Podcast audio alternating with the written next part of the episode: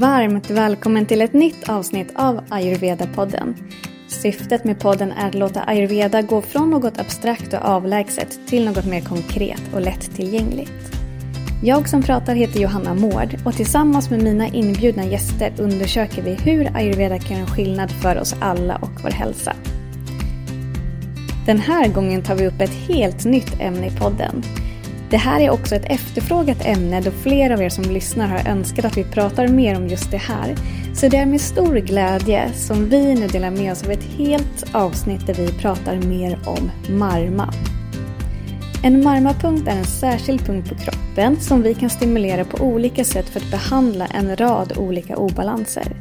Och min gäst denna gång är väldigt kunnig inom ämnet och jag är så glad att just hon kom och delade med sig av sin kunskap och erfarenhet. Och det är ingen mindre än Camilla Silver. Camilla är vedisk rådgivare, ayurvedisk terapeut och auktoriserad ashtanga yogalärare. Hon har även en akademisk examen i beteendevetenskap med fördjupning inom stress och hälsa. Och med all den här kunskapen har hon haft grupper i meditation, stresshantering, personlig utveckling samt behandlingar och healingsessioner i 25 år. Camilla har även utbildat sig till ayurvedisk marmaterapeut hos Dr. Vasant Ladd som är en av de mest kunniga och välrenommerade inom ayurveda i världen idag. Och I det här avsnittet kommer du få en större förståelse för ayurveda överlag. Du kommer lära dig mer om vata, pitta och kapha och var i kroppen dessa doscher påverkar oss mest. Vi kommer såklart gå igenom vad en marmapunkt är för något lite mer på djupet och hur du kan använda den här kunskapen i praktiken. Och du kommer få veta mer om vilken påverkan marmaterapi har på din fysi fysiska kropp, ditt sinne och dina känslor. Så det finns en hel del kunskap att hämta här. Men med det sagt så är det här avsnittet ingen marmakurs i sig. Vilket du såklart förstår. Utan vi hoppas snarare att det här kan vara en dörröppnare för dig. Om det är så att du tycker att det är intressant och sen vill fortsätta utforska den här otroliga kunskapen på egen hand. Men under avsnittet kommer du ändå få en hel del praktiska och ganska enkla råd om särskilda punkter som du kan stimulera när du behöver balansera Vata, Pitta eller Kapha. Och medan jag och Camilla hade det här samtalet så kände vi att det hade varit bra om vi även hade filmat det. Just för att vi pratar en hel del om specifika punkter som ibland är lättare att visa än att vägleda med ord. Så utöver att Camilla delade med sig av kunskapen i det här poddavsnittet så har hon även spelat in ett YouTube-klipp för alla er som lyssnar på det här. Och i det här videoklippet visar hon alltså flera av de marmapunkter som vi går igenom i avsnittet. Så när du lyssnat klart på det här, så titta gärna på det så att du kan få än mer vägledning när du själv vill prova på marmaterapi. Och länken till den här videon hittar du i avsnittsbeskrivningen. Och nu till det här fantastiska avsnittet. Jag hoppas att du kommer finna det lika givande som jag gjorde.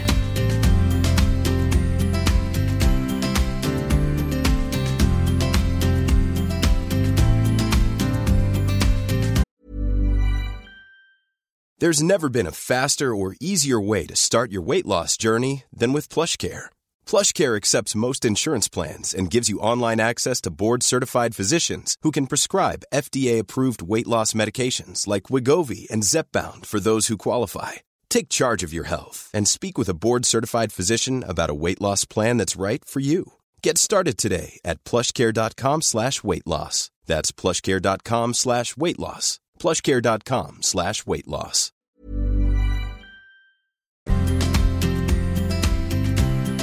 Varmt välkommen Camilla till Ayurveda-podden. Tack så mycket. Det känns så fint att få ha dig här.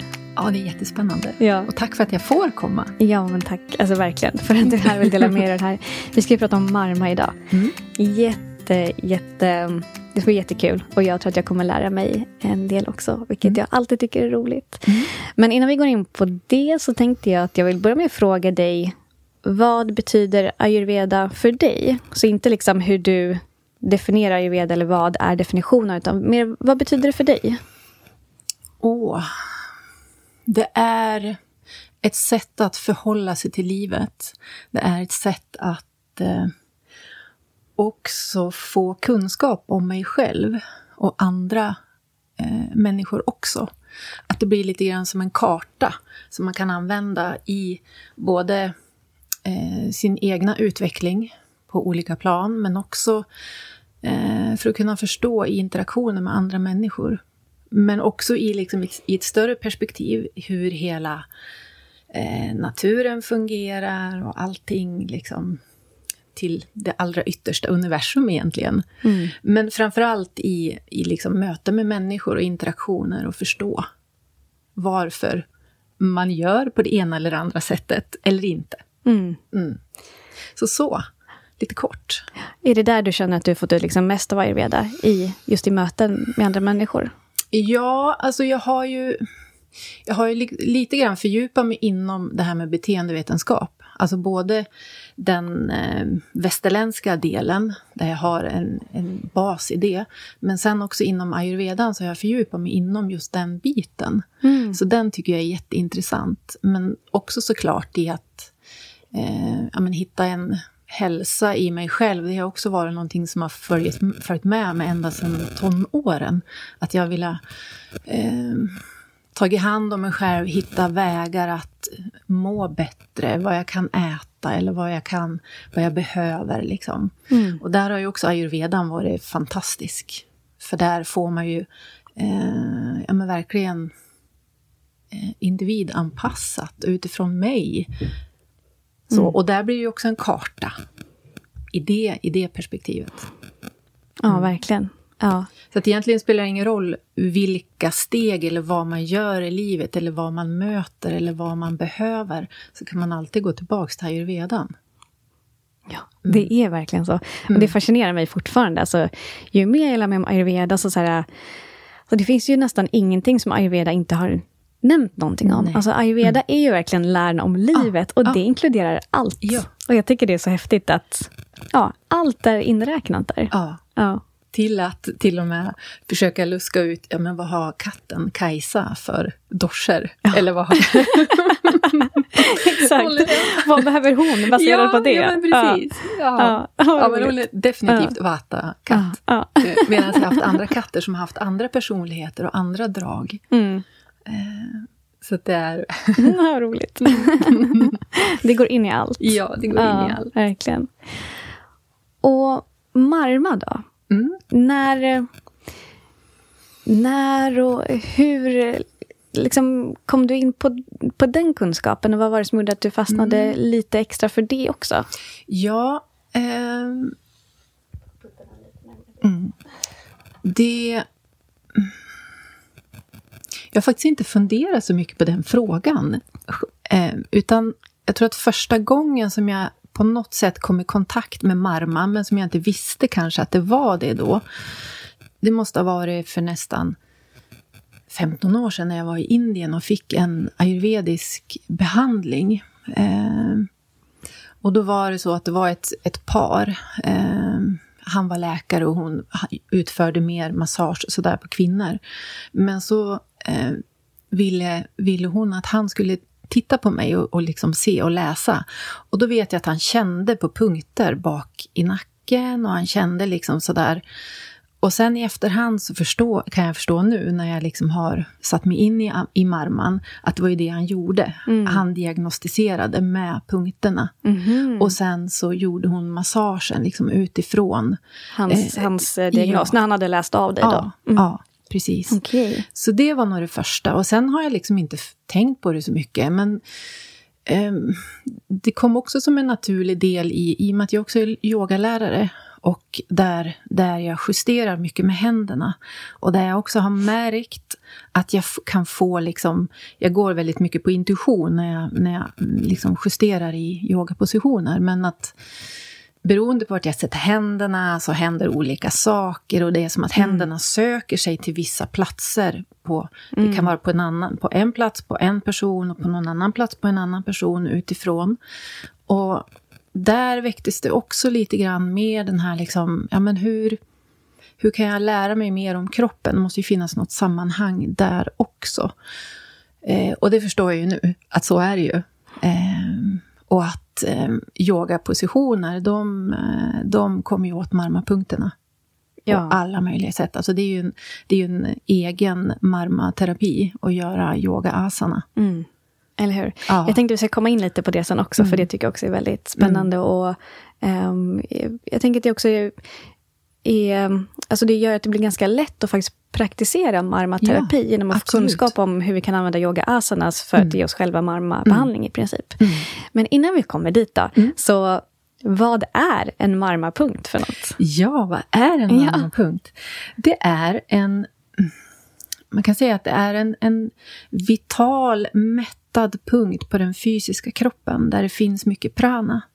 Där den är liksom koncentrerad, skulle man kunna säga. Och de här punkterna är också... Eh, en punkt heter marma och flera heter marmani. Mm. Eh, så en marmapunkt ligger oftast på antingen där nervändar möts eller där kapillärer möts eller artärer eller vener eller ligament eller ben eller leder. Någonting i en junction, säger man på engelska. Alltså. Mm. Eh, och där är det som att man kommer åt eh, olika delar, som att det finns en öppning där som man kan komma åt, både olika organ, vi kommer åt alla vävnader som man pratar om inom ayurvedan, datus, och man kommer åt shrotas, de olika kanalerna, meridianer. Eh, och också punkterna är kopplade till olika organ, eh, också olika känslor framför allt. Så att man också får med eh, mindet, eh, sinnet i det där. Eh, så, och det är också en... Man kan säga att det är som en sambandscentral. Eh, I och med att jag också försöker ha satt mig in i ganska mycket den, de här liksom beteendena och mer hur vi fungerar liksom rent eh, intellektuellt och så där, så har jag också satt mig in ganska mycket i de här olika korsas, alltså våra olika lager. Just det. Och de kommer, för mig så är det som att de är liksom här korsas är en nyckel till så mycket. Mm. Och för mig har det varit en dörröppnare vad, vad gäller att förstå marma-punkterna. Och om du ska berätta liksom lite mer om korsas mer än lager. För korsas ja. har vi inte pratat om Jaha. så mycket i podden än. Eh, mm. datus gick vi igenom ganska nyligen, ja. så det har vi koll på. Vata, pitta, ja. kaffe har vi koll ja. på. Och liksom de fem elementen och lite så. Men eh, korsas då? Ja, Vad det kanske det? blir ett... Vi ska inte gå jättelångdraget, men Nej. ändå, eftersom att ja. det har en stark koppling till ja. marma. Ja, precis. Och det är ju, vad ska vi säga då? Det är som olika lager eller olika delar av hela vårt väsen. Så att eh, den, från att vara väldigt eh, kompakt och liksom mer jord och vatten till att bli mer och mer subtil. Mm. Så den, den liksom kompaktaste och tyngsta kroppen, det är ju liksom vår fysiska kropp.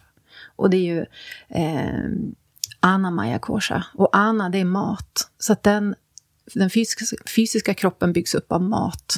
Så det är den. Och den är ju liksom väldigt lätt att förstå sig på, för den är ju ganska påtaglig. Vi kan känna den och vi kan se den. Eh, och så. Väldigt påtaglig. Väldigt på. påtaglig, ja. Mm. Och den eh, korsan som kommer sen, och egentligen så alla de här går ju i varandra, det är ju inte liksom distinkta lager så. Eh, men den andra, den heter Pranamaya Korsa. Och det är ju eh, pranan, det är energin, energilagret. Det är våra meridianer och det är liksom den energin som får den fysiska kroppen att kunna röra sig, skulle man kunna säga. Mm. Och det som är jätteintressant i det här, det är att de här mer subtila lagren, de lyser ner på de som är mer dens. Som vi säger att vi mm. har som en sol där högst upp, som egentligen är de vi säger purusha, eller det gudomliga, eller det som är det som vi vill åt. Mm. Nektaren på något sätt. Så alla de här lagren är som trädlager eller trädkronor. Så högst där uppe då får man ju jättemycket kontakt med solen, med det gudomliga. Men ju längre ner vi kommer liksom i den här träddjungeln, desto mörkare blir det ju, fuktigare och mer liksom fysiskt liv skulle man kunna säga. Mm. Så prana Maya det som är pranan då, livsenergin och det som flödar, den påverkar den fysiska kroppen. Så flödar prana, då flödar det också i den fysiska kroppen. Just det. Mm. Och det lager som kommer sen då, som kommer lite högre upp i de här trädkronorna, det är manomaya kosha. Och det är ju våra tankar, våra känslor, oftast liksom våra vardagliga eh, det, det som var, vardagsvis sker i huvudet. Ja, men vi tänker på vad vi ska äta eller vi kommer upp med minnen eller liksom det som processas och, och sådär. Eh, och det då, de här tankarna och de här känslorna och det som vi vanligtvis matar oss själva med, det är också mycket synintryck och det vi tar in med våra sinnesorgan. Det påverkar pranan.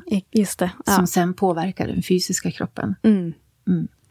Så och, det är därför man pratar mycket om inom ayurveda, liksom att dina, eh, inte bara inom ayurveda, utan att vi vet ju att våra tankar och känslor påverkar vår fysiska kropp. Ja, ja, absolut. Och här blir det så jättetydligt på något sätt. Mm. Och man pratar inom ayurvedan att de allra flesta människorna de håller sig liksom inom de här. Det är de här tre lagren, baslagren eller vad man ska säga, korsas, som man fungerar inom. Sen har man såklart de andra, men man kanske inte börjar fundera eller snuddar vid dem eller försöker lyfta fram dem eller rena dem om man säger så. Att få mm. dem att bli mer genomsläpplig. Och hur många korsas finns det? Vi har fem. Mm. Mm. Så nu har vi pratat om tre. Mm. Och här kan vi också säga att i det här manomaya korsa som vi är i nu, de här känslorna, tankarna, minnena, allt det här. Här finns också egot.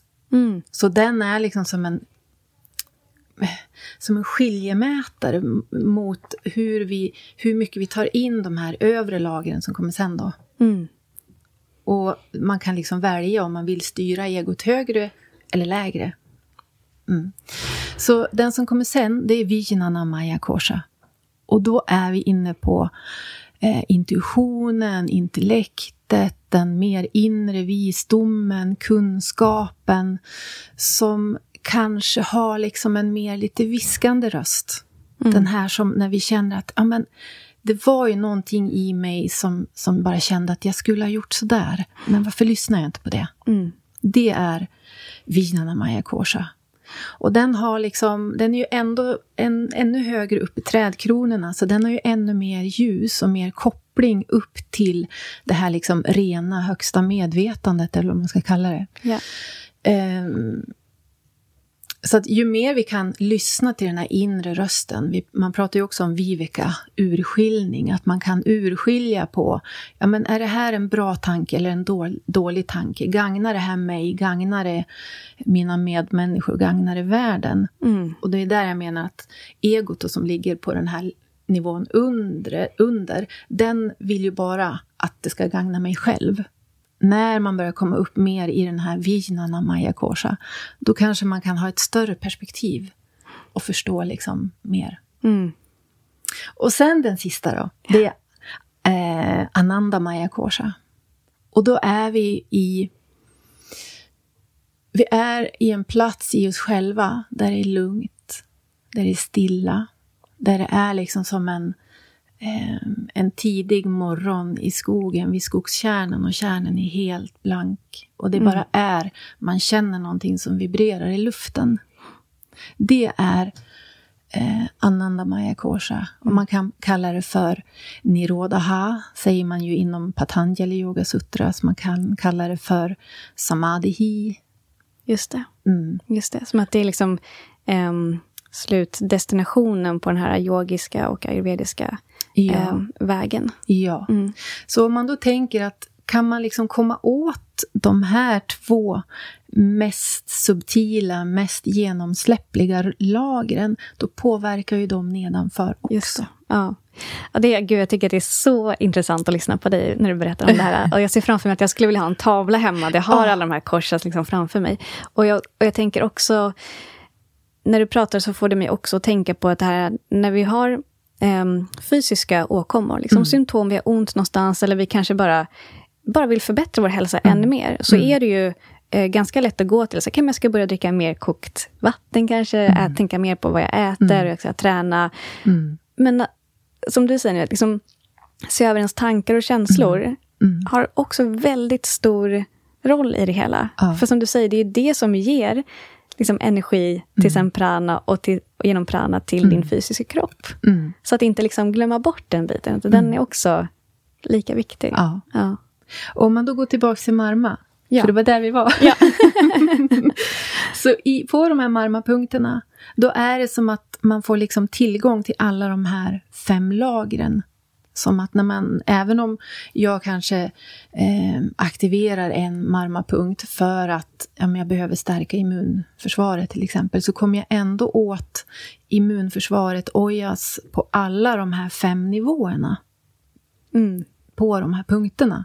Och sen så är några punkter mer fokuserade, om vi säger på de högre lagren på Vijnana Maya Kosha och eh, Ananda Maya Kosha. Mm. De som har mer med prana att göra och den delen i kroppen. Just det. Mm. Mm. Ja, Ananda Maya Kosha, ehm, skulle du, upplever du att du hamnar där med hjälp av pranayama, meditation och yoga? Mm, absolut. Ja. Men det har, ju, det har ju tagit några år. Ja. ja. Men sen så kan jag förstå att jag har varit i glimtar av det också innan jag ens visste vad det var. Mm. Så det är ju inte så att man måste hålla på med yoga, ayurveda eller liksom meditation för att nå det här. Utan det kan, man kan ju få den här upplevelsen eh, i den här naturscenen som jag beskrev också.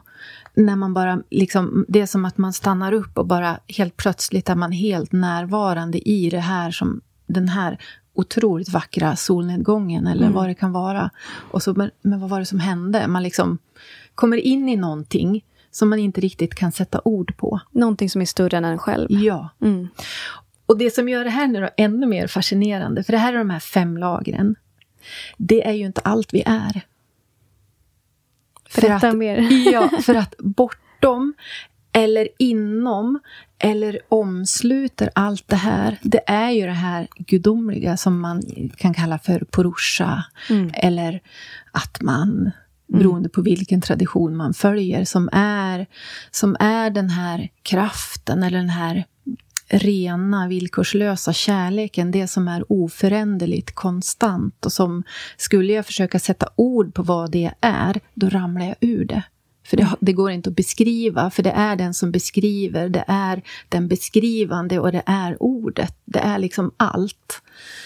Eh, och om man då tänker att ju renare jag kan hålla alla de här lagren, desto mer kan den här gudomliga, det här rena, ursprungliga lysa igenom och påverka hela mig. Mm. Och varför vill man det då?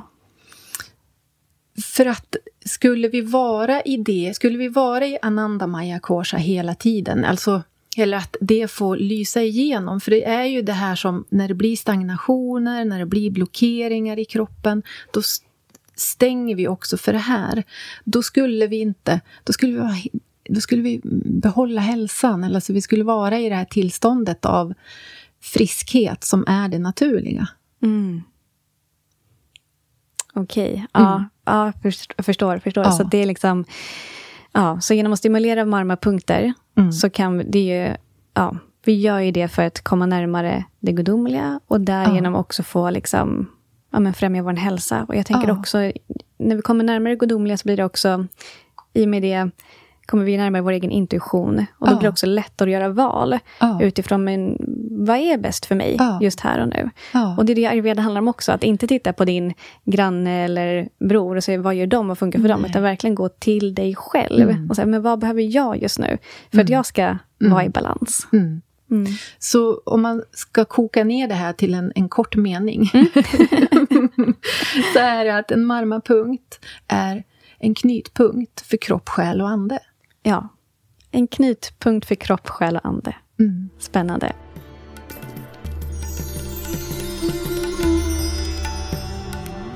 Hej underbara du som är lyssnare till Ayurveda-podden. Jag har en jättestor nyhet att dela med mig av. För du som är med och lyssnar på det här är en av de allra första som har chansen att boka in dig på Ayurveda-poddens alldeles egna retreat. Det här retreatet kommer bli något helt unikt. Vi har skapat det för dig som vill fördjupa dig än mer inom yoga och ayurveda. Och tillsammans med mig och Marie Maitri kommer du bli vägledd en hel helg för att möta dig själv genom ayurvedan. Jag kommer hålla i flera workshops där du får chansen att fördjupa dig än mer inom den här fantastiska läran om livet. Och med Marie kommer du bli guidad genom olika yogaklasser så att du kan få uppleva hur det känns att använda yoga i praktiken för att balansera vata, pitta respektive kapha. Och tillsammans kommer vi att praktisera ayurvedisk matlagning och konsten att äta ayurvediskt och du kommer även få med dig recept hem. Och i slutet av helgen får du skapa din egna unika handlingsplan baserad på vad just du behöver för att hålla dina doshor i balans. Retreatet kommer äga rum den 22 till den 24 september och vi kommer vara på Shambhala Gatherings. Vi ser så mycket fram emot det här. Klicka på länken i det senaste poddavsnittet för mer info och bokning.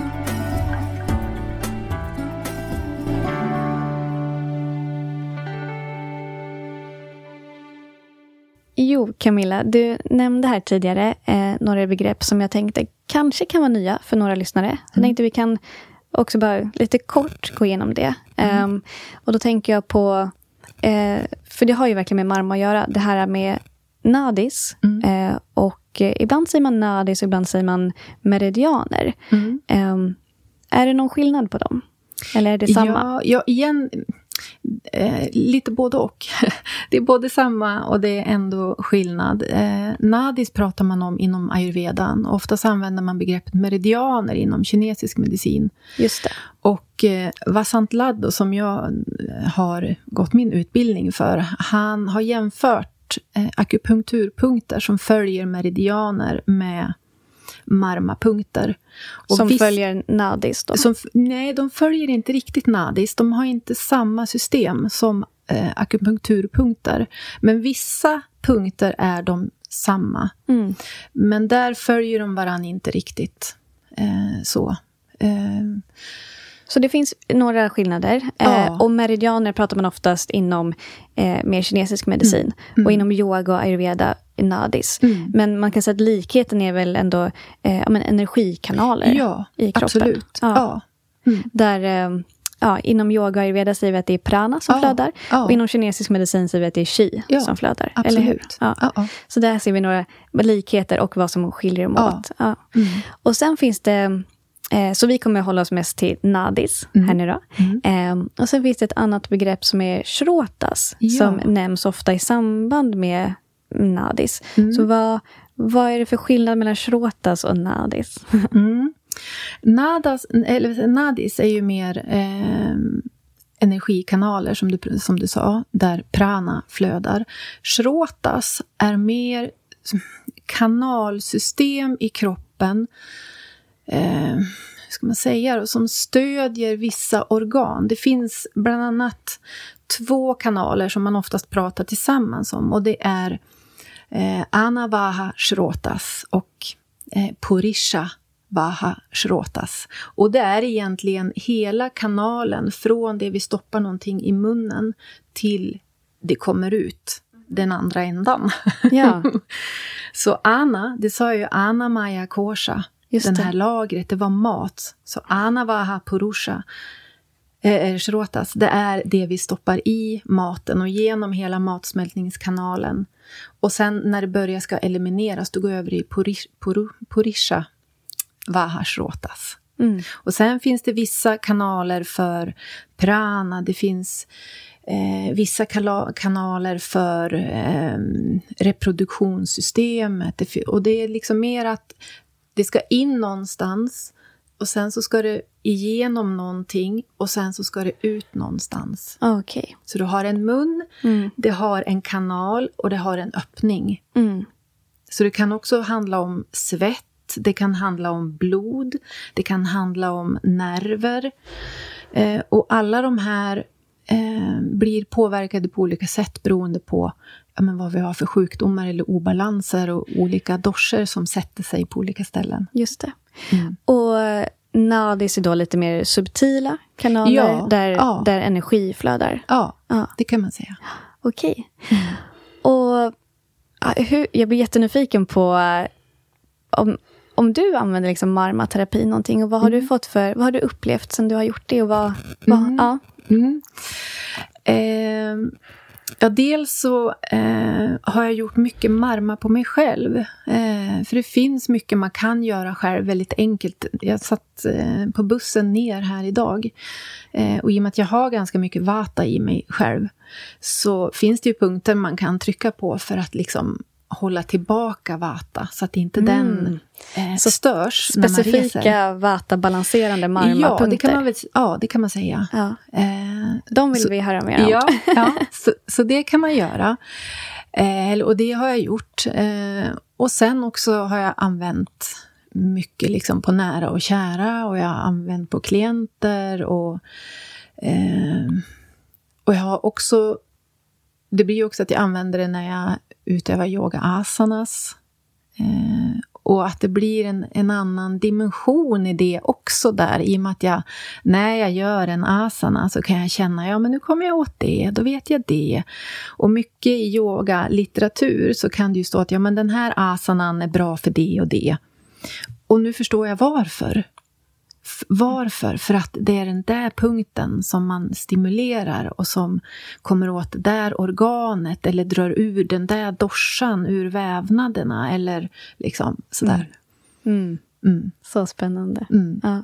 Så när du använder det på dig själv, mm. eh, då är det då att du känner till vissa punkter. Ja. Och liksom rent praktiskt, för den som inte har liksom, mm. någon koll alls, liksom, hur stimulerar man en, en marmapunkt? Ja, man kan, man kan använda, det allra lättaste, det är att använda eh, fingrarna. Och tänker man då att man ska gör, ge en, en klient, så kan man ju ha i beaktning om de är vata, pitta eller kapha. För vata ska ju ha en lättare beröring. Pitta ska ha lite mer och kaffa kan man vara ganska, liksom, man försöker trycka och komma in ganska djupt. Mm. Så att det finns också där, beroende på vem det är man har, vart den här marmapunkten sitter. För oftast så man pratar om att det finns marmapunkter som är på en muskel eller de är på ett ben. Ehm, de kan vara på en, på en ehm, vad heter det?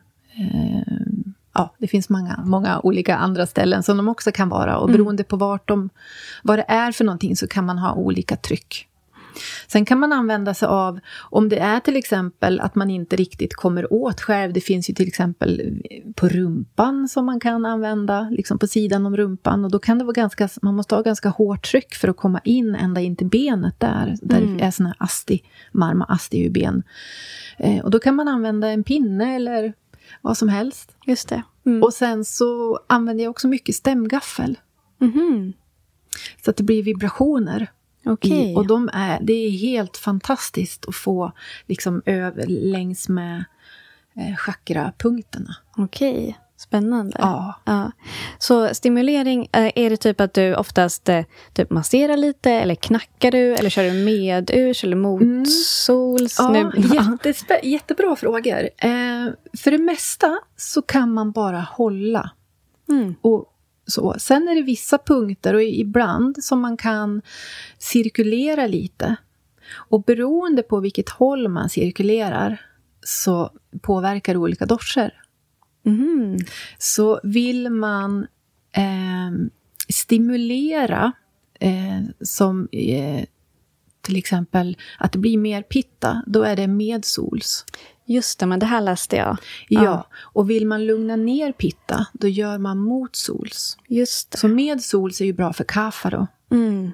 Och eh, motsols är bra för pitta. Vata, de vill ha eh, liksom sida sida. Mm -hmm. Lite så här, som på en linje fram och ja, tillbaka. Ja, precis. Vad spännande. precis, så, så medsols aktiverar. Så var ja. det. Medsols aktiverar och det är bra om man har mer kaffa. Mm. Eh, kaffa generellt innebär att det, lite, det kan vara lite mer stagnation. Ja. Så då vill vi aktivera för att ja. få igång liksom, energin, pranaflödet. Mm. Mm. Är man, har man för, är liksom, i kroppssinne och känslor och tankar liksom överaktiverat. Mm. Det kan ju vara tecken på att det liksom är mycket eld. Ah. Och då vill vi lugna ner. Ja. Och då kör vi mot, mot sols. Mm. Okej. Okay. Och vata som på en, en, en linje. Och lite ja. dra fram och tillbaka. Och lite ja. lättare tryck då. Ja, ja. precis. Mm. Och sen använder man också mycket eteriska oljor. Så att det, det, blir, det blir som att man kommer åt de här punkterna från olika, med olika sinnesorgan. Mm. Mm. Och där använder man ju oljor då utifrån vilken dosha man vill höja eller sänka eller om, de ska, om oljorna ska vara värmande eller kylande eller eh, mustiga mm. beroende på. Då. Mm. Mm. Så eterisk olja, jag kan tänka mig också såklart att man kan ta en vata-balanserad, alltså en ja, färdig vata-balanserande olja med ja, liksom, ja. gjord på sesamolja och örter. Eh, eller pitta eller kaffebalanserad olja. Mm. Och ta just på marmorpunkterna då. Ja. Spännande. Mm.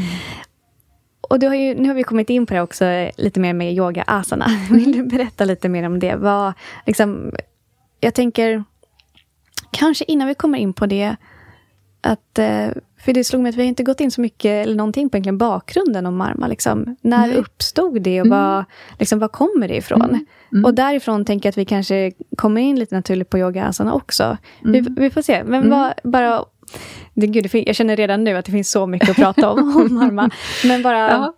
Eh, det jag har läst mm. eh, när det kommer till Marmas, Marmapunkternas liksom, historia, så är mm. det här är också någonting som har skrivits om för många, många, många tusen år sedan. Mm. Eh, och vi, jag har hört att det användes mycket i Indien, mm. eh, framförallt på ehm, jag vet inte om de var krigare, men män som jobbade mycket med eh, martial art. Ja, det eh, stämmer. exakt. Och för att, eh, så de var ute och slogs, mm. eh, kom tillbaka, fick specifikt liksom marmaterapi mm. för att ett, återhämta sig, för det var en mm. fantastisk återhämtning, mm. och två, bygga upp sin styrka igen. Mm.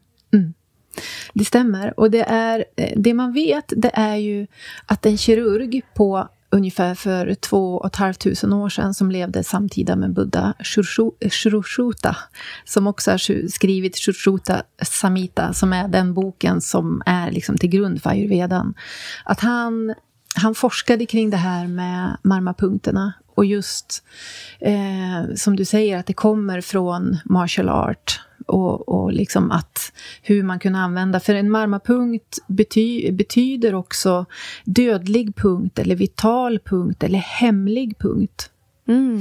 Eh, och det har att göra med att man också fick lära sig vilka punkter som var dödliga, som man behövde i strid. Men också, de var ju liksom hemliga för att man ville inte heller ge bort den här kunskapen. Men också hemliga på så sätt att de också kunde läka, som du var inne på. Mm. Just det, så marmapunkter finns liksom åt båda håll. Ja. Dels för att liksom ta hand om sig själv, men också för att eh, försvara sig mot fiender eller, liksom, ja. eller skada fiender. Ja, precis. Om vi tänker toppen på huvudet, murdni, marma, där har vi ju en dödlig punkt. Alltså får man ett slag där, mm. eller hjärtat, eller liksom luftstrupen, mm. är det också. Vi har ju många känsliga områden och det finns liksom marmapunkter där. Just det. Så. Mm.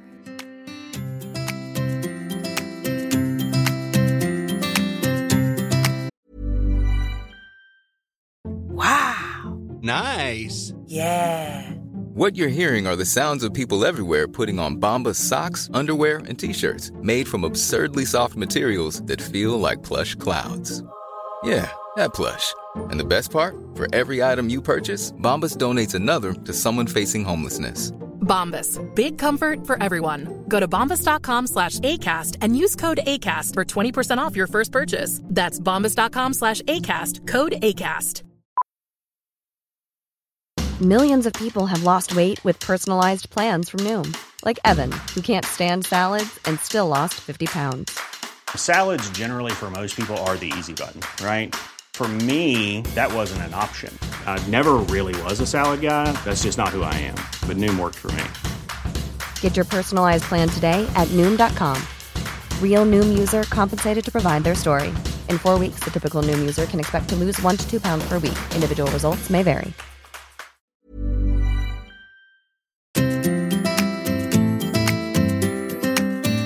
Och oftast, om man ska säga liksom lite generellt, så följer ju de här punkterna vart de olika doscherna har sina säten. Så mycket av vata-punkterna är ju liksom kring tjocktarmen och ner höften, eh, benen, låren. Eh, Just det, för tjocktarm och ben och höfter och lår är ja. ju vatans huvudsäte ja, i kroppen. men också mycket upp i huvudet som har med prana att göra. Mm. För där är har vi liksom- elementen rymd Ja. och luft i huvudet, Ja, eller hur? Ja. Precis. Så där är ju liksom många Vatas punkter. Om man tänker att man gör en framåtfällning, Paschimottanasana, då stänger vi ju liksom, vi kommer, vi... Eh, man- man klämmer åt magen Ja. och lägger magen på låren. Mm. Och ska vi lägga liksom en till dimension till det här, att vi håller stortårna till exempel. Det gör man ju i vissa såna här framåtfällningar, Paschimottanasana. Stortån är en av de mest lugnande eh, punkterna i hela kroppen. Mm. Som utsöndrar melatonin, serotonin. Eh, man brukar också kalla stortån för den... Eh, det finns en, en marma där som heter kshipra. Och kshipra betyder det som eh, tar bort smärta. Mhm.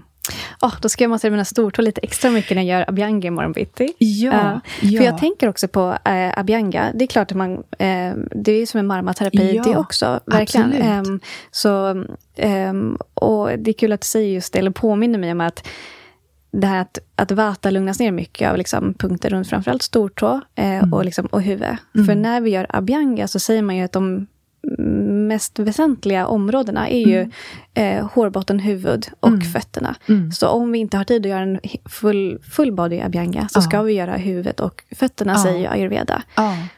Och det är för att vi alla mår bra av att ta hand om vår vata dos- dosha i, i första hand. Mm. Och det finns... Jag har lärt mig en jätte, jätteljuvlig eh, abhyanga-rutin som kommer åt de här olika punkterna. Så jag vet inte om vi kan liksom kanske gör, göra någon liten, liten grej så att ni som lyssnar ska få ta del av det på något sätt. En video eller någonting. Ja, men alltså, visst absolut. Det Ja. vore ju jätte, Ja. jättefint. Och där man, som du säger, man följer, för en av de absolut viktigaste punkterna som vi har, eller egentligen den allra viktigaste vi har, det är toppen på huvudet och den heter Murdni, eller Adipati.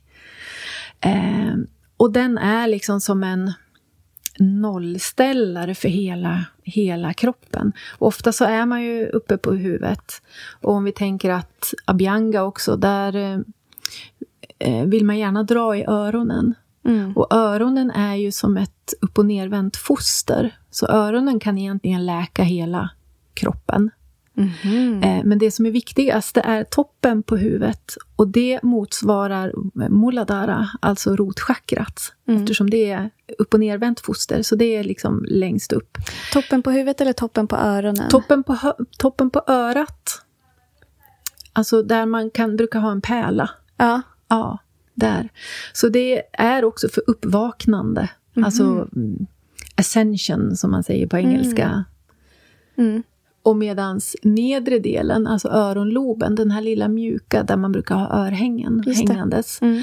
Eh, den motsvarar huvudet. Mhm. Mm. Så genom att massera den så lugnar man ner liksom hela, hela vår mentala aktivitet. Mm. Så att eh, man ser lite extra runt öronen när vi gör abhyanga är som att skapa någon typ av balans till alla våra chakran. Ja, ja, Ja. absolut. Och sen kan man ha en rutin där man följer liksom hela framsidan. För säga hjärtat då, kring liksom bröstkorgen, där har vi ju mycket kafa. Mm. Och kafa, och det sitter också väldigt mycket känslor eh, kring mellan revbenen. För det finns olika punkter där Mm. eh, som har med hjärta och lungor att göra. Eh, och sen om vi går lite längre ner, då kommer vi, om vi tänker mellangärdet. Eh, där har ju mer eh, pitta sitt säte och ända ner till naveln egentligen. Mm. Och naveln brukar man säga är lite pittas eh, huvudsäte in, när man tänker på kring marma. Och i naveln så kan man, där kan man göra underverk med marma. Man kan liksom lägga olika oljor eller lite pasta beroende på, alltså en örtpasta beroende på om man vill få ner vata eller pitta eller kafa som har liksom Mhm. eh, ackumuleras i matsmältningssystemet. Okej, gud vad spännande. Ja. Mm. Och jag känner att vi... ehm, jag ska ta tillbaka oss till eh, yoga asana. Ja, Ehm, ja. För att eh, ehm, jag tänker på pitta, pitta mm, balanserande asana. Mm, Om du bara kan nämna någon eller två och bara vilka, vilka, vad finns det för marmapunkter man kan komma åt där? Mm. Om vi tänker, som jag sa, pitta då, som har liksom mellangärdet från...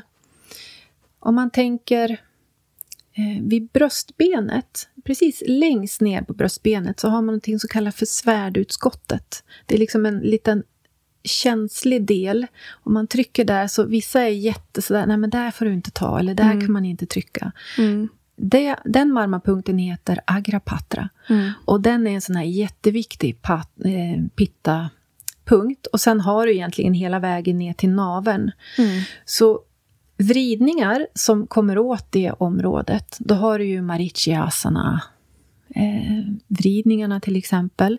Du har ju också mycket där du öppnar upp, så bakåtböjningar som eh, danurasana, bryggan eller Ostrasana, kamelen. Men också sådana som eh, drar ihop, alltså fäller fram, kommer du också åt det området. Eh, så Janus i Shasana till exempel är eh, där man har ena foten in mot låret men benet på golvet och det andra benet sträckt. Just det, då kommer man lite längre fram. Ja. Mm. Mm.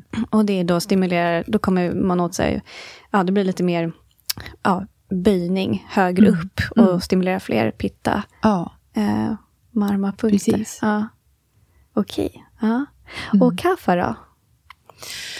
Och kaffa, där är vi ju mer uppe i bröstkorgen. Mm. Eh, och där är det egentligen lite samma, alltså det här med bakåtböjningar. Du kommer ju åt samma där som Dhanurasana och eh, Ostrasana. Också positioner där man aktiverar, alltså där kroppen får jobba lite. I och med att kafa ofta kan dra på sig stagnationer. Eh, och där det kan vara lite svårare med flödet i kroppen generellt. Så. Så mycket kring, om vi säger de känslor som är förknippade med kafa, de sätter sig antingen i, kring me mellan rebenen eller runt mjälten. Mm. Och mjälten har vi ju liksom typ vid de nedre vänstra rebenen. Så om man tänker där, att man öppnar upp, men det kommer ju också åt i vridningar. Mm. Så. Precis. Och när mm. du säger det här så tänker jag också att det är inte så att en yoga asana är liksom väldigt centrerad och eh, alltså kring bara eh, alltså en eller några få liksom marma eller bara... Alltså jag tänker att varje yoga asana den är så holistisk. Ja, holistisk. Ja. Det, finns liksom, det finns så många aspekter uh, som vägs in, mm. eller vävs in, ja. uh, som ingår i en yoga asana. Ja. ja. men om jag till exempel skulle säga alla punkter som aktiveras i Janushirshasana, den här när vi har ett ben in mot låret och så fäller fram. Mm. Och håller om stortån. Och, och håller om stortån eller benet. ja då är det, jag tror att det är 15 punkter eller någonting sånt ja, där. Eh, precis. Så mm. det är ju... Många asanas är bra för... Eh, för mycket. För mycket. Mm. Mm. Hur många marmapunkter finns det? Ja, jag tror att det... Att det vad heter det? Det finns lite olika skolor kring det där, men Shiroshuta, han pratar om 117 punkter. Mm. Mm. Mm. Så där omkring kan vi säga i alla fall. Ja, ja. ja. Och jag vet att eh, Dr. Vassant Ladd, han pratade om 107 vid något tillfälle, men så sa han, nej men vi lägger till en till till 108 så att det blir heligt. Mm. Så att, mm. ja. Mm. 100 plus. Ja, 100 plus. Wow, ja. det, är ändå, det är ändå många. Så det är inte så att vi bara har liksom det är inte så att vi har bara 21 marmapunkter, utan det är, det är många. Ja. Mm. Och det um, sägs ju också att det är klart att när vi ger oss själva en abhyanga, eller går mm. och får en abhyanga, att det är liksom marmapunkt som stimuleras överallt. Mm. Mm. mm. mm. Och, det, och det är också, man kan ju också med väldigt enkla medel, om vi tänker det här som jag berättade, att jag satt i bussen ner nu för att lugna ner. Det jag gjorde då, det, alltså det var ingen som såg att jag gjorde det. Nej, precis. Utan jag, den här punkten mitt på huvudet, där aktiverade jag lite grann. Mm. Mm. Jag aktiverar, i och med att jag också jag är en pittavata, så att min, om min vata går igång så kan också den dra med sig sin pit, liksom pittan. Och en av pittas absolut viktigaste marmapunkter, det är tinningarna. Mm. Shankamur eh, marma. Och då ska ju den vara, för mig då, som är mycket pitta, då ska ju jag massera motsols, alltså bakåt. Just det. Så jag tog lite grann där. Sen har man en jättebra eh, vatapunkt som har med tjocktarmen att göra på underarmen, precis vid, ar vid armvecket. Mm. Så jag satt och masserade den. Det var ingen som såg. Exakt. Man kan sitta på bussen och, ja. och verkligen ta hand om ja. alla sina korsas. Ja, absolut. Och ingen behöver tycka att man är konstig eller vad Nej. håller du på med? Utan man sitter där och bara tar, alltså, snackar om eh, ja, men, självkärlek. Ja. Det som kommer upp. Och liksom att såhär, du kan göra det var som helst, typ när som helst. Det finns inga ursäkter för att inte Nej. ge dig lite marmaterapi någon gång om dagen. Ja. Och en som också är sådär, man kan ju, du vet, jag i alla fall, jag brukar om man funderar lite så lägger man pekfingret på överläppen, eller liksom mellan näsan ja. och, och, överläppen. Ja. Där har vi en punkt som heter Orsta, okay. som är en av de viktigaste inom matsmältningen. Mm -hmm. Och även mungiporna, precis liksom mm. där.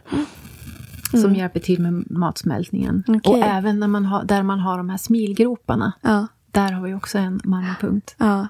Så ansiktsmassage är också bra när vi ja, gör vår abhyanga? Ja, egentligen. Mm. Det finns ju eh, speciella, om vi säger ansikts... Eh, eh, marmaterapisessioner. Mm. Och ansiktet kan också läka hela kroppen. Du har, de kommer åt alla organ i hela kroppen. Mm. Bara ansiktet. Mm. Vad spännande. Och samma med fötterna. Ja. Och där har vi en, en punkt precis liksom mitt, i, mitt under foten som heter Tala Hridaya, hjärtat av foten. Och den är en sån här, också en jättebra vata-punkt som grundar, lugnar, bara hämtar hem en direkt. Mm. Vilket också makes sense. Mm. När vi liksom, inom Ayurveda säger vi när vi gör abhyanga att fötterna är viktiga. Ja. Och också att ge sig själv fotmassage innan vi går och lägger oss. Ja. är också någonting som förbättrar sömnen. Mm. Och det är också så här, jag tycker att det är så kul, alltså, ju mer jag lär mig om ayurveda, att det är verkligen som att lägga en pussel. Ja. Så här, man tycker att man har helheten och förstår det. Mm. Och sen lär man sig någonting mer. Bara, men, okay, men nu blev det mer skärpa på den här bilden. Eller så här, okay, men nu, okay, nu insåg jag att jag faktiskt saknade några pusselbitar. Eller så här, mm. men nu Alltså allting hänger ihop. Mm. Och jag tycker, att det är, jag tycker det är så kul. Ja. Av den anledningen också. Att, ja. Äh, ja. Mm. Och det ju också att allting man har lärt sig tidigare, det blir ännu, ännu mer logiskt. Och man förstår ja. det ännu mer, förstår varför. Eh, så ju mer jag lär mig, desto mer kan jag förklara varför, mm. det, varför det fungerar och varför det är bra. Mm. Nej, men så det är jättefascinerande tycker jag, just med marmapunkter, hur man kan använda dem. Dels för lite grann som vi har pratat om nu, att man kan bara använda det för, ja men jag behöver lugna ner mig lite, eller jag behöver lugna ner min pitta.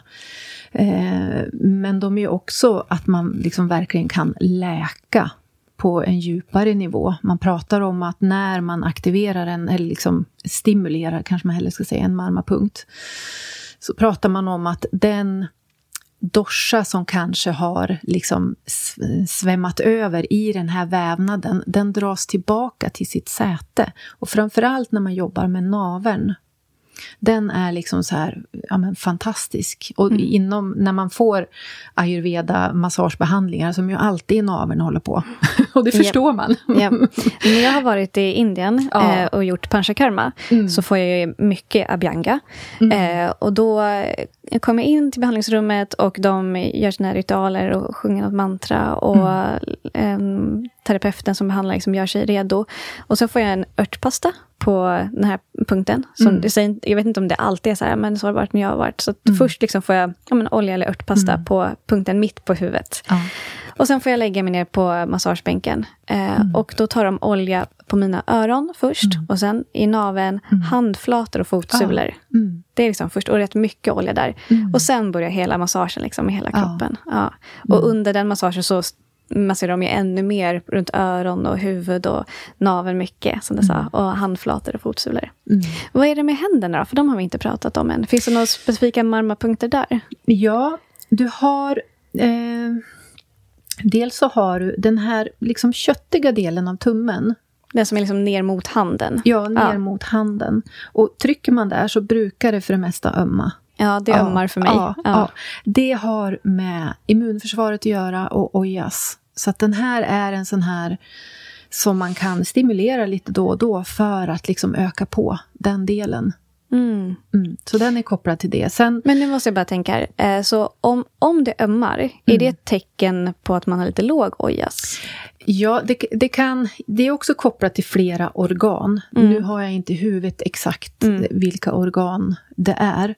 Eh, men att det ömmar på en punkt kan betyda att om vi säger att varje punkt är också kopplad till känslor, till olika organ. Det kan betyda att det finns någon svaghet i något organ eller att den dorsan har liksom eh, som också är kopplad till just den punkten, att den är i obalans. Men det kan också ha att göra med att det är obearbetade, oförlösta känslor som har satt sig.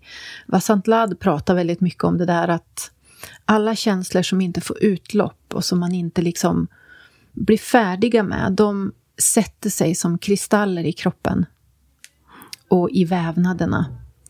Och, Och skapar det- blockeringar då? Ja, skapar Mm. blockeringar och skapar liksom, ja men det är som att det blir liksom svårare att passera där för allt, för allting egentligen. Mm.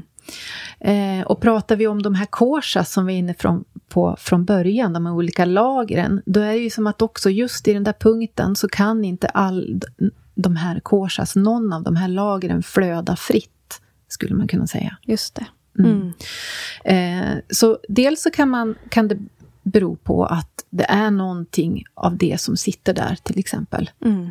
Så oftast om man har en punkt som ömmar och så eh, vad heter det, stimulerar man den eller man märker så brukar det gå bort. Alltså Mm. att det blir bättre.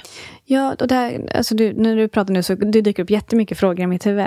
Ja. Eh, jag ska bara försöka hålla någon typ av röd tråd här. Men, eh, så eh, den här köttiga delen av tummen eh, har, är delvis kopplad till immunförsvar, odjas. Mm. Men precis som vi säger, alltså det finns, alltså hela Mm. kroppen är så holistisk. Ja. Liksom, det, och allt går i ett. Mm.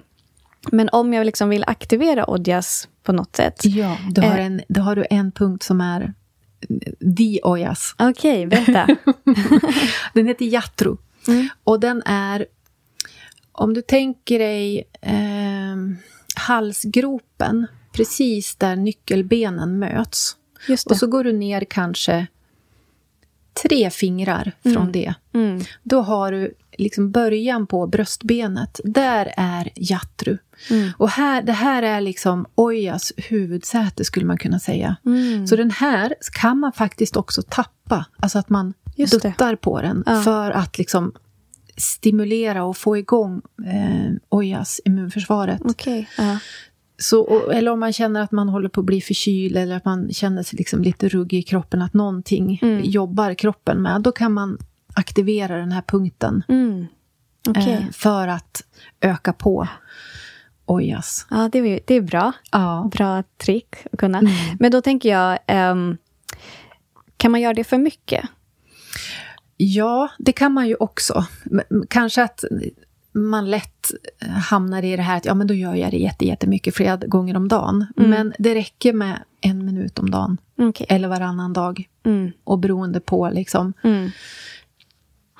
Det som också är viktigt med det här, som jag kanske inte har nämnt, det är också att det är klart att man kan ta på kroppen och ja, men nu trycker jag på den där punkten och så kanske man gör något annat samtidigt.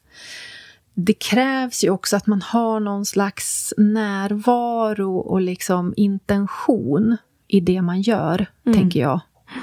I alla fall för mig som terapeut, om jag ger en marmabehandling så, så jag förbereder mig väl liksom för att vara närvarande och bara vara en kanal för det här som vi pratade om i början, det här gudomliga ljuset eller purusha, det här rena medvetandet. Så att egentligen är det inte jag som gör jobbet. Men om man gör på sig själv, att man ändå, ja men nu trycker jag på den här punkten, jag är liksom där när jag gör det. Mm. Så att man inte heller går på affären och ja, men så trycker jag på den här punkten lite samtidigt. Mm. Utan att ja, men det finns en respekt också för att det är ändå ett läkande, fantastiskt verktyg. Mm. Mm. Ja, verkligen. Kan man... ehm, nu sa ju du det att det här med den här Odjas-punkten, att eh, en minut varje eller varannan dag eh, räcker. Ehm, men är det liksom, och sen tänker jag också när, vi gör, när jag gör Abhyanga på mig själv, då, jag har ju absolut inte koll på alla de här 100 plus um, um, marma-punkterna. Ehm, och det är inte så att jag tänker liksom, liksom, uh, var eftersom mina händer rör sig vid kroppen, att så, okay, men nu ska jag massera liksom motsols här och medsols här, utan det är liksom, men det, jag tänker så här, det är väl bra det också, att bara stimulera. absolut. Genom liksom, någon typ Ja. av beröring är också bra, Ja. tänker jag. Ehm, så det var bara någon, en tanke som kom till mig. Och sen tänker jag, men finns det liksom några typer av kontraindikationer? Eller är det någon gång liksom vi ska vara lite, eh, lite försiktiga typ med några marmapunkter? Eller är det liksom typ alltid bra att stimulera Det finns dem? några punkter som man inte ska göra om man är gravid till exempel. Mm. Eh, som, för det finns ju punkter som också är för liksom, livmodern och så kan sätta igång liksom, aktivitet i livmodern. Och en sån punkt är mitt på liksom, axlarna, trapezius. Mhm. Eh, och annars så är den en jätte, jättebra punkt om man inte är gravid. den är, för oftast så, eh, den här punkten, jag har bara helt tappat namnet på den, men den är i alla fall där vi håller all stress, där vi håller allt ansvar, när vi känner att liksom, äh, men det, livet är övermäktigt just nu. Om man liksom bara korsar armarna och så lägger man händerna på axlarna. Håller på de där punkterna och låter tyngden av armarna pressa ner. Mm. Jag är spänd här. Ja, ja det är de flesta. Mm. Men här, eh, här kan man göra underverk med sig själv bara genom att låta de här vara med. Mm.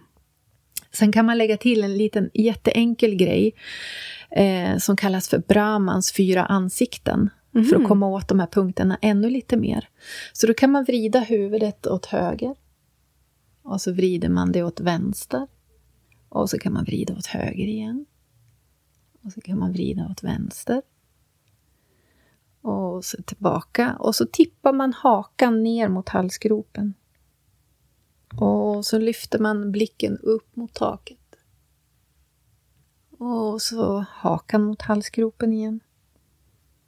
Och blicken upp mot taket. Och stannar. Mm.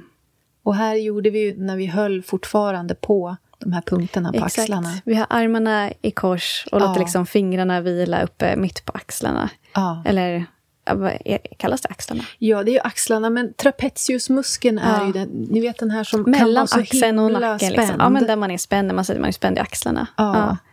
När man vill att någon ska massera ens axlar Mm. Då så är det är, då är det den. Ja. Och mitt på där, Ja. Mm. Okej, men den ska man vara lite försiktig med om man är gravid. ja. Ja, Mm. för det kan aktivera livmodern Ja. på ett sätt som man eh, inte behöver när man är gravid. Då. Ja. Mm. Okej, någonting annat som är liksom någon marmarpunkt man ska vara lite försiktig med vissa gånger? Nej, in, inte liksom i rent sådär att man ska ge behandling. Sen lite som vi pratade om förut, att vissa punkter är sårbara. Mm. Eh, men det, det är ju ingen fara när man gör det med milda händer och bara fingrarna sådär. Ja. Nej. Och jag tycker att det är så fint, alltså, jag- bara de senaste dagarna så jag har känt att så här, gud, min kropp, alltså min lilla kropp är som ett helt universum. Och jag har liksom kontakt med hela universum genom min kropp. Ja. Och jag har fått en större, liksom, jag vet inte, fått en, eh, ett nytt perspektiv på min kropp. Och det här med marma är liksom bara, ja, ehm, adderar ännu mer till det. Jag tänker att, så här, att jag genom att bara trycka på vissa specifika punkter får liksom, skapar en connection med alla mina korsas. Ja. är det bara det är så fint och det är så häftigt och att, så här, att, man, att den kunskapen finns. Ja. Och eh, det känns väldigt fint att få sitta här med dig Ja. och prata om det här i podden och få dela med sig av det. Det, känns, eh, det känns väldigt fint faktiskt. Det, ja, det fascinerar mig än en gång, liksom, hur mycket kunskap det finns och vad vi faktiskt kan göra med egen hand. Det är också någonting som jag älskar med ayurveda, att det är så mycket egen praktik i det. Ja. Man behöver inte vara ayurveda-läkare för att få hjälp av ayurveda, utan du kan göra så mycket själv hemma. Det, är- ja, det är fint.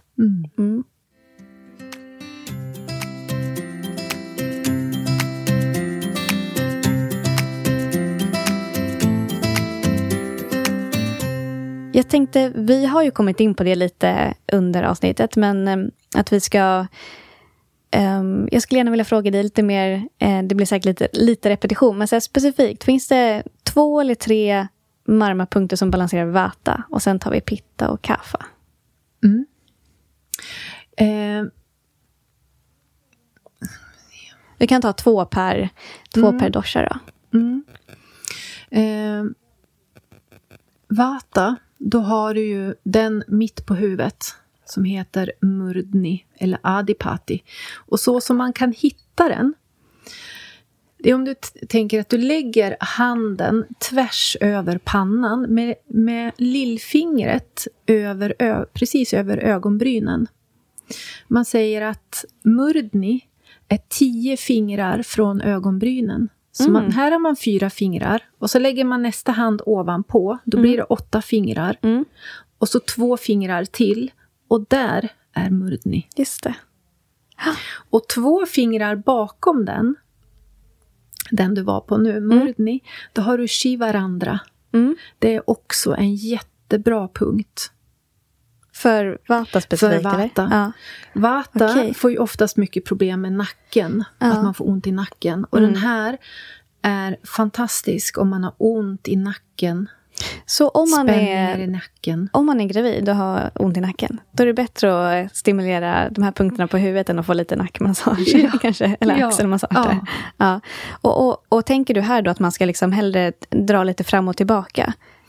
Här tänker jag att man bara har fingret. Ja, man bara har fingret ja. där. Just det. Mm. Bara beröring stimulerar. Ja.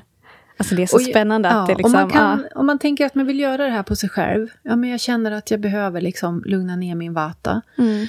Håller fingret, blundar, tar fem djupa andetag. Mm. Och sen är det klart. Kan man ha fingrarna på två punkter samtidigt? Nej. Nej. En åt gången. En åt gången. Varför det då? För att Annars så sänder man flera budskap till mm. kroppen. Jag som tänkte att jag kunde vara effektiv och liksom ja, stimulera nej. båda de här det punkterna Det enda man kan göra flera samtidigt, det är för längs, om vi säger längs nacken och ryggraden och läng, längs bröstbenet så har man på var sida.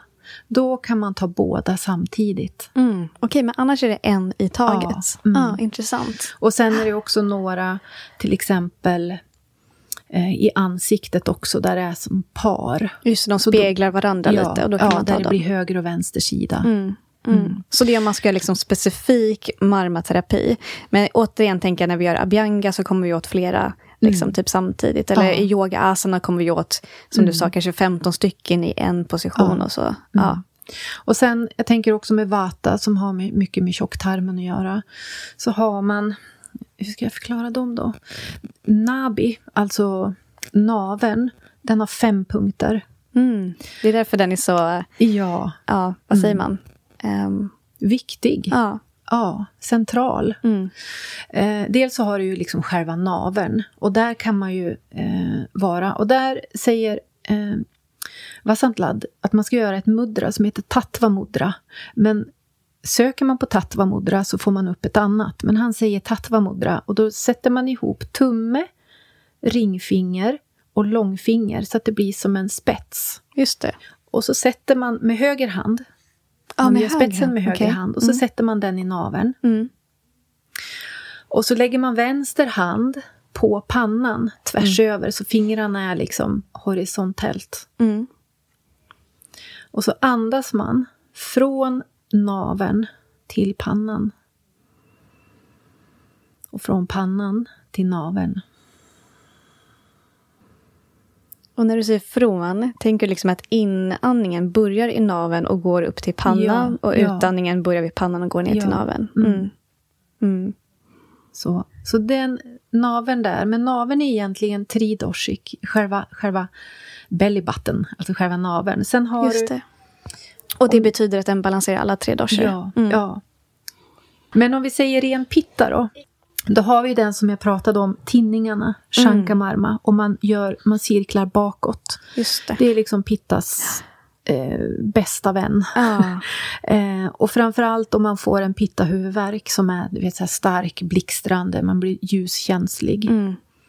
Eh, en Rent intuitivt så är för jag får en känsla och en bild av att många människor när de har ont i huvudet sitter gärna och liksom masserar sina tinningar lite. Ja.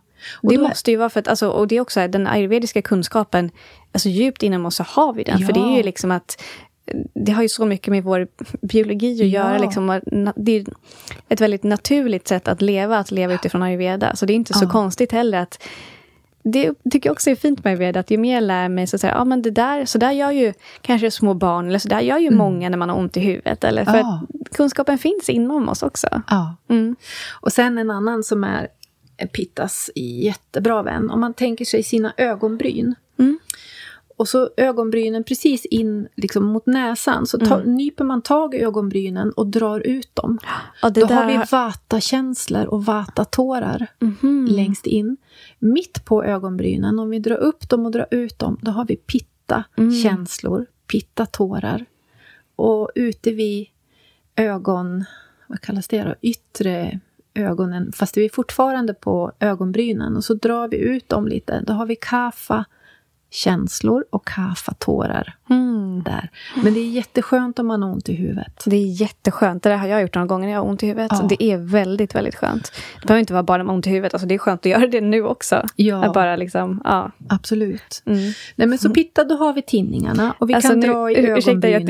jag Ja. Men det är som att vi har suttit här med dig nu, jag vet inte hur länge vi har suttit här nu, men och bara få värsta marmaterapin genom Ja. att bara gå igenom alla de här punkterna med Ja. dig. Och sen så finns det ju ett organ som pitta är väldigt kopplat till. Vilket är det? Tunntarmen tänker jag på. Tunntarmen. Och sen finns det en till. Där, där den Levern. of- I levern, Ja. precis. Där sätter sig pittas känslor. I levern. Det är därför man säger att en, eh, en pitta är hetlevrad. Ja, ja. Och då har vi en marmapunkt som heter jakrut. Mm.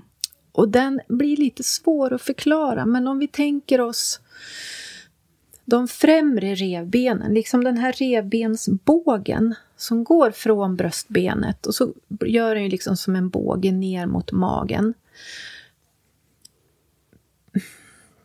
En bit ner på den bågen. Man kan nästan, man, tänker, man vet ju att levern sitter på höger sida. Mm. Ganska högt upp. Mm. Och där har man, om man pressar in fingrarna upp mot revbenen, lite nästan under. Mm. Där har vi jakrut. Just det. Det är en jättebra pitta. Och är man mycket pitta, då är man oftast öm där. Jag Ja. är öm där. Ja, men exakt. Det är inte så skönt. Nej. Men nej. Och så håller jag där några andetag. Fem andetag är alltid en bra riktlinje. Mm. Ibland är fem andetag 30 sekunder, ibland är det upp till en minut. mm, Men det är liksom, fem är så härligt mm, ja. eh, tal. Och, ja, och jag tänker på det också nu. Alltså, det här kanske är nytt för några, eller så är det några som kan en del. Och jag tänker också att det syftet är inte att man ska kunna allt. Alltså, det behöver inte lära dig allting vi pratar om utan till Nej. för att kunna det, det är mer, Vi pratar om det så att du ska få förståelse för okay, så här mycket finns det att lära Ja. sig. Och sen så gillar jag det du sa. Liksom, gå på intuition också. Så här.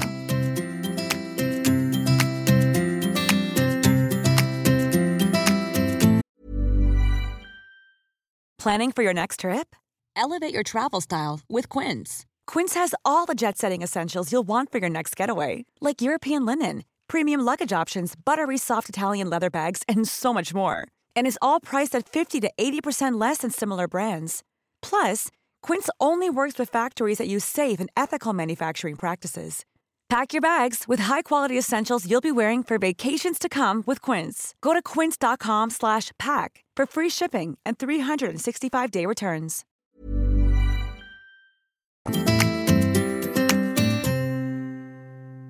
Och kafasen då? Kafa. Mm. Och vart sitter kafa? Eller vart liksom tänker man kafa? Ja, man tänker ju liksom upp mot bröstet, Ja. liksom lungor och Lungor, magsäck. bihålor, magsäcken. Ja, men från magsäck och uppåt. Mm. Ja. Så om vi tänker i ansiktet, för det är alltid lätt att liksom använda ansiktet. Då kan man tänka, ja men vilka punkter kommer jag åt som har med bihålorna att göra? Och då har du ju, om man tänker eh, mitt mellan ögonbrynen, fast precis vid näsan. Så inte så högt upp. Det är inte tredje ögat, utan det är mer roten på näsan. Mm. Där har du en punkt som du kan ta. Mm. sen de egentligen bästa, det är om man tänker att man hmm, sätter långfingret precis där näsvingarna är, fast upp mot näsan på det hårda benet. Mm. Så man är inte på näsan, utan det är kind, där kinden och näsan möter varandra, precis ovanför näsvingarna. Mm. Och så kan man sätta ett finger högre upp och så lossar man på det undre. Då har man en till punkt där. Mm. Typ på de här liksom benen som är under ögonen. Ja. Ja. Mm. Så där- näsan. Ja. Ja. Så där, där har du pitta. Ja. Eh, Eller pitt eller kaffa. Ja, nej, nu var vi på kaffa. Ja. Förlåt. Ja, kaffa har vi där. Och ska vi tänka mer? Kaffa kan ju ofta ha lite trög matsmältning. Och då kan vi faktiskt ha också den här i mungiporna. Mhm. Att man pressar där. Mm. För det aktiverar saliveringen. Eh, så att man får saliv i Mm. munnen och att det liksom hjälper till att börja smälta maten. Och det aktiverar också agni. Mm. Och sen har du ju eh, mellan revbenen. Om man liksom försöker komma åt musklerna mellan revbenen Mm. På var sida, där har du mycket kaffapunkter och där kan man ta i ganska mycket och här kan det vara, kan det vara ganska ömt. Uppe på bröstbenet liksom. Uppe på, Mm. Ja, eller, Eller? på sidan om bröstbenet. Just det, ut mot på var sida. Ja. Ja. Så det kanske är fem centimeter mellan fingrarna. Mm. Där bröst, liksom, och så är bröstbenet mellan fingrarna. Så jag är ute vid revbenen. Mm. Mm. Och det finns lite olika punkter där, men bara för att göra det enkelt. Ja. Ja, att stimulera mycket Mm. här. Mm. Och sen har vi ju en, eh, ett organ till som där pitta, eller vad säger jag, där kaffa också sitter. Och där mycket, det känns, sätts ju mycket känslor upp i bröstet och liksom lungorna och sådär. Och där är det mycket liksom sorg och saknad och de känslorna. Och sen mjälten på vänster sida vid revbensbågen. Där har vi också ett kaffa-organ och där sätter sig mer känslor att man liksom eh, man vill ha, man vill inte släppa taget, det liksom eh, klippa fast lite, jag vill hålla kvar. De känslorna sätter sig i, i mjälten. Så på samma sätt som vi gjorde med pitta vid levern så s- tar vi liksom upp fingrarna upp mot revbenen och lite under. Och då har vi mjälten där. Mm. Och vi kommer även, även åt eh, bukspottkörteln lite grann där. Mm. Så där var det några kaffa Mm. punkter. Så bra kunskap känner jag. Och bara äh, ytterligare saker att addera när man känner att man vill ja, men balansera en, en dosha som har blivit eh, eh, men hamnat i obalans. Ja. Mm. Och om det nu är så att man går runt och har ont på olika ställen. Man kanske har spänningar i nacken eller spänd över sätesmusklerna eller väldigt spänd i, i vaderna eller vad det kan vara. Ja. Är det tecken på att det är, att det är stagnation specifikt i marmapunkter? Kan det vara det? Eller? Det kan vara det. Och, och sen kan det ju såklart ha andra eh, bero på andra orsaker också. Men om man tänker att man går till den punkten som är vid de där områdena så, så signalerar ju ofta smärta över den punkten att det finns någon obalans eller stagnation eller att det är en dosha. För, för det som ayurvedan säger är en sjukdom, det är ju när doshan svämmar över ur sitt huvudsäte och, och kommer ut i vävnaderna. Och där sätter den sig och skapar stagnation eller skapar de här känslokristallerna eh, som också blir en smärta. Eh, och då kan man ju också få ont i musklerna, man, man kan få ont i leden eller man kan få ont i benen, alltså skelettet beroende på vad det är för dosha. Eller man kan få slem i bröstet och hosta. Eller man kan få ont, eller liksom att det sätter sig mer eh, mot mjälten på den sidan. Eller vata har ju också njurarna bak i ryggen ganska högt upp. Så har man ont i de områdena så kan det, ofta, det kan signalera att ja, men nu har vata liksom tagit lite överhand här. Eller nu har pitta tagit lite överhand. Så genom att stimulera de marmapunkterna så kan man få den här dorsan att börja dra sig tillbaka. Mm. Men innan den gör det så vill den gärna blomma ut. Så Vasant Lad, han säger att det är ett bra tecken om man får ondare. För att då har den liksom släppt taget, då har dorsan släppt taget och lämnat den där platsen. Men först är den lite förvirrad och vet inte var det ska ta vägen. Mm. Innan den liksom ska elimineras. Mm. Mm. Så att det kan, man kan få en sån effekt också. Att ha, ja, men nu har jag börjat stimulera den här punkten, det gör bara ännu ondare. Mm. Men då kan det vara ett, en, ett positivt tecken också. Men där får man liksom använda sin... Ja, sitt förnuft och mm. känna, ja men ska jag fortsätta eller ska jag liksom, ja men jag tar en paus och ser hur det känns. Mm. Mm. Ja, fint. Jag tänker det måste ju finnas jättemånga... Eh, jag, tror inte jag, jag tror inte jag har någon bok hemma om Marma. Det tror jag inte. Har mm. du någon bok om man liksom vill läsa mer? Jag, tänk, jag tänker mig så här, det skulle vara fint att ha någon bok som en typ något uppslagsverk. Liksom. Ja. Vilken punkt stimulerar eller balanserar vad och när kan man använda den till, ja. till vad? Och så. Har du någon bok du vill, skulle kunna tipsa om? Mm. Jag har, själv har jag två olika böcker som är väldigt olika varann. Eh, och dels så är det David Frawleys bok, han har en om Marma. Och han följer Shurushutas Marma-punkter väldigt noga. Liksom. Eh, men den är ganska svår att förstå, tycker jag, den boken. Sen har Vasant Lad skrivit en underbar bok och, och där han också gör den här liknelsen mellan meridianerna. Mm. Den är mer förståelig, tycker jag. Han använder liksom ett enklare språk, fast samtidigt på ett sätt mer komplicerat. För han är ju också läkare, ayurvedisk läkare, liksom klinisk läkare. Mm. Eh, så han kan använda ganska mycket facktermer, liksom anatomiska och eh, sådana termer. Mm. Mm. Så om man, men, men, om man känner sig manad att mm. hoppa över en sån bok, så vad heter de då, de här böckerna? Åh, oh, det vet jag inte. Nej, okej. Okay. jag kan inte på rak arm. Men söker man på Vassant Ladd och Marma och så Marma. kommer man säkert eh, ja. dyka upp. Och samma sak med David Frawley och Marma. Ja. Och sen så söker man på eh, bok och Marma så kommer man ja. hitta mycket annat också. Mm. Mm. Det finns ju mycket skrivet om det här. Ja. ja. Mm. Mm. Jo, men eh, Camilla, jag frågade dig i början här om du själv har upplevt, liksom, vad du har upplevt av eh, Marma. Och du sagt att du, ja men, att, att det hjälper dig att du använder det mycket. Liksom, dels dagligen men också du, genom yoga, asana och så annat. Mm. Och, um, och du behandlar ju också andra mm. med marma-behandlingar. -huh. Och jag var också nyfiken på innan du kom hit om det så att du, om du har någon story att dela med dig av där. Om det är någon av dina klienter som har fått liksom, upplevt en större skillnad eller effekt av en marma, marmabehandling. Mm. Så har du något sånt som du vill dela med dig av? Så jag är jättenyfiken. Ja, eh, jag har faktiskt från en kvinna som har skrivit till mig. Eh, och för att hon, hon var i en jättetuff period i sitt liv. Det hände väldigt mycket, mycket förändringar. Hon hade bara något år tidigare kommit ur en, en utmattning och liksom försökte komma tillbaka. Och, ja. Så jag behandlade henne vid no henne några tillfällen. Eh, för ofta så är det så att man gärna ska ha några behandlingar med ganska täta mellanrum. Speciellt eh, bero, lite grann beroende på vad man är för dosha där också. Då. Att vata behöver of, oftast lite färre behandlingar och kaffa behöver fler. Mm. Så. Eh, men så här skrev hon till mig i alla fall. Eh, om jag ska beskriva känslan efteråt så är det som att hela kroppen och sinnet hamnade i samklang. Som att hela jag hade blivit stämd, precis som ett piano eller en orgel.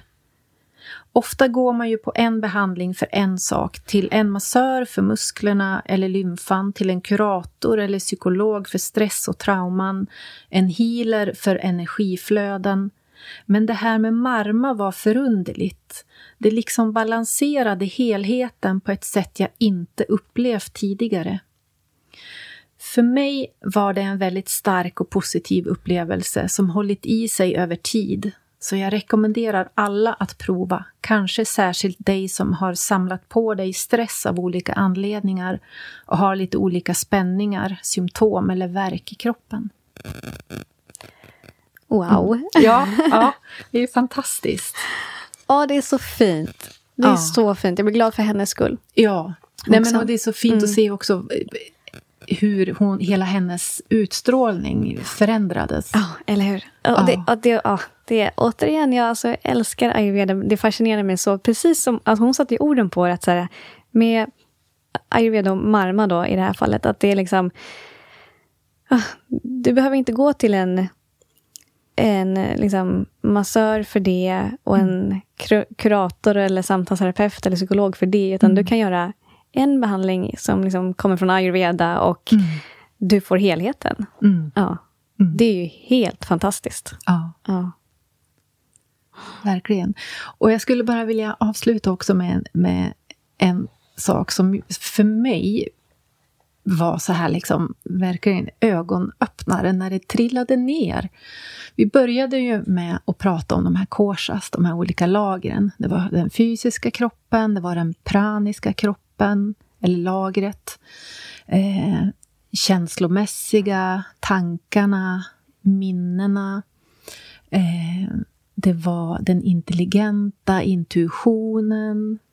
Och sen var det den här bliss, satjidananda, som man också säger. Den, den delen där man är i den här bara totala stillheten och friden. Mm. Men man, man tänker kanske att ja, men det, ja, det är kroppen som har de här olika, men det är också så att varje cell har de här. Varje cell har en intelligens. Varje cell har de här delarna i sig, har den här pranan. Varje cell är som en liten kropp som fungerar. Mm. Och en av, en, liksom en av de största sakerna man kan göra det är ju verkligen att älska hela kroppen älska hela sig själv. Mm. Ja, men verkligen. Och jag, jag, ser framför mig liksom att de här, ja, men varenda liten cell mm. har de här fem, fem eh, lagren. De här fem. Ja. Mm. Varenda liten cell är i direkt kontakt med tankar och känslor. Ja. ja. Och direkt kontakt med den universella intelligensen. Mm. Ja. Och vi kan liksom, ja, men skapa läkande vibrationer i kroppen genom varma terapi ja. som påverkar alla de här lagren i varenda liten cell. Mm. Det är magiskt. Ja. ja. Magiskt på ett sätt och kanske väldigt liksom, logiskt konkret samtidigt. Mm. Ja. Mm. ja. Ja, tack snälla ja, men att du tack, har kommit hit. Ja, men tack själv. Det har varit jätteroligt. Ja. Alltså jag bara älskar att, att, prata om sånt här. Det är det bästa jag vet. Eh, för att det ger mig så otroligt mycket också. För ibland så, alltså i vardagen, så ibland så tappar man det liksom. Det här, det här tänket. Så bara att få prata om det och, och eh, på ett sätt påminna sig själv också. Mm. Hur enkelt det är egentligen. Ja, visst. Stanna upp. Ja. Mm. Det, ja, det är därför jag startade den här podden, för att jag älskar att prata om ja. det här också. och att få dela med mig. Ja. ja. Ja, ja, men tusen tack att jag får dela med mig om det här idag. Tack. Mm. Och tack du som har lyssnat. Om du tyckte att det här avsnittet var givande för dig så lämna gärna en review eller betygsätt podden och dela med dig av avsnittet till dina nära och kära som du tror skulle uppskatta det här. Och jag kom på det nu Camilla.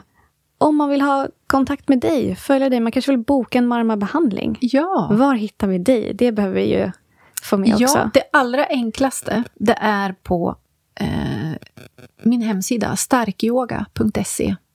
För där får man eh, genvägar till både Instagram och Facebook och, och det står allt om vad jag gör och sådär. Mm, behandlingar och hur man ja. bokar om. Ja. Ja. Ja. Starkyoga.se. Och, och var i Sverige befinner du dig? Ja, i Hälsingland, i ja. Järvsö, ja. Ljusdal. Så om man bor i närheten eller om man vill flyga dit. Eller? Ja, ja men precis. Nej, men ja. och sen kan det ju också vara så, tänker jag, att om man är en grupp till exempel i Stockholm eller någon, någon annanstans i landet som, ja men vi vill att Camilla kommer och pratar eller att jag kommer dit och har behandlingar. Så om ni samlar ihop några stycken så kan jag åka dit såklart. Mm. Det är också en möjlighet. Ja, bra. Mm. Vad fint. Jag är flyttbar. Ja. Toppen, men då avslutar vi med det. Ja, ja tack ja. igen. Tack.